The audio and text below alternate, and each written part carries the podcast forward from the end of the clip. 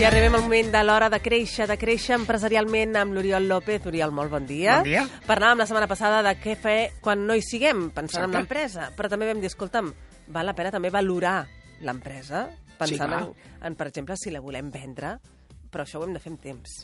Sí, s'ha de fer amb temps, perquè bueno, tothom sap que les presses en la venda... Mm, males conselleres. Les presses pel venedor sempre són dolentes, perquè Sí. baixen el preu. Però ja no només per això, sinó perquè no et dona temps a preparar l'empresa perquè valgui més del que ha de valer. Mm -hmm. I per tant, llavors, eh, si volem valorar-la, què hem de fer?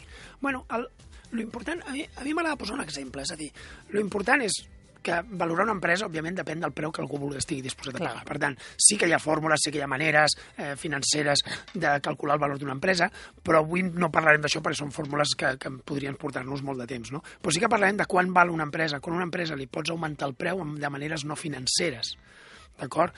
En aquest cas, fent que no depengui de tu. O sigui, si et poses en el cas, imagines una empresa, empresa A, que, que té els sistemes bàsics de qualsevol empresa del sector, que la gent més o menys sap què fer, però que no deixen de dependre bastant de l'empresari, que treballa 48 hores a la setmana, per tant, més del que de, de les 40, no podríem dir, i que fa 3-4 setmanes de vacances l'any. Bé, aquest és un cas real. Jo, una empresa com aquesta, el, recordo que era una empresa petita, i una empresa molt petitona, i vam posar un valor de 100.000 euros potser era més, ara estic posant-ho per fer números rodons i números fàcils i petits. Eh? Llavors, imagina que aquesta empresa val 100.000 euros i tu aquesta quantitat la vols pagar bé, d'acord, Noemi? Jo t'ofereixo aquesta empresa. Acte seguit et dic, tinc una segona empresa que té els mateixos resultats, els mateixos beneficis, la mateixa estructura de gent, simplement que l'empresari ho fa tot i que en realitat l'empresari que t'ho està venent treballa 60 hores a la setmana, està allà, gairebé no fa vacances, eh, no hi ha sistemes escrits de res, i això. Clar, quin Tot preu està al seu cap. Clar, si l'empresa A, que era igual, valia 100.000 euros, aquesta quan valdria per tu? Mm, jo crec que valdria menys, perquè, clar, se suposa que el propietari no hi serà, si Clar, me la ven. Exacte.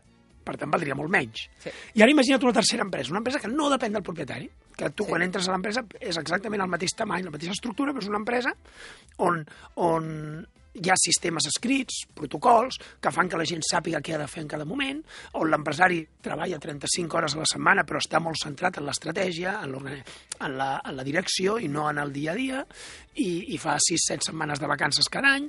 Tot plat. Tu aquesta empresa, quin preu li posaries? Molt més, segur que seria més. més. No sé quin, però, però seria més. A, a la meva experiència jo he calculat que estava al voltant del 60 al 80% més. Caram. Això vol dir que una empresa que valia 100.000 euros passaria a valer 180, o una empresa de 10 milions d'euros passaria a valer 18. I això és el que busquem. Però això és perfecte per l'empresari, aquest Clar, plantejament, perquè jo- a part de que tens més llibertat i de que tu tens més vacances, etc, vius més tranquil, Clar. i el, la teva empresa li estàs donant valor. Per això dèiem que quan vols vendre l'empresa, tu has de plantejar com si volguessis viure bé, en realitat. O sigui, tu has de dir, escolta, m'agradaria dirigir aquesta empresa?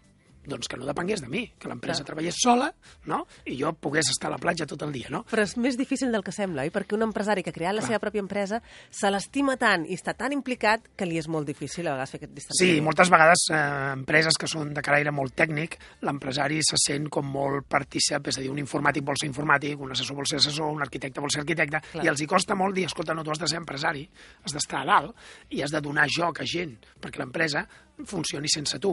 I si funciona sense tu, tu estaràs més còmode, viuràs millor i podràs ser més feliç, però a més amb un afegit. El dia que la vulguis vendre, Tindrà més valor. la vendràs més cara. Però, clar, tu t'has de pensar com a empresari. Aquesta empresa que et dirigeixo, o quan valdria entre aquests 100.000 i els altres 180.000? On està? Clar. No, no, és més important del que sembla. Bastant. Uh, desprendre's una mica de l'empresa, malgrat que sigui la teva. Bueno, és la manera de poder-te dedicar a el que realment t'agrada. I a més a més, vendre la cara, escolta'm, Sempre. dic, és el negoci rodó, I retirar-te millor. Eh? M'agrada molt aquesta, aquesta aposta. Doncs, uh, Oriol, la setmana que ve seguirem parlant del món Molt bé. empresarial. Fantàstic. Fins la setmana que ve. Gràcies. Adéu. La primera pedra, dissabtes i diumenges de 6 a 7 del matí.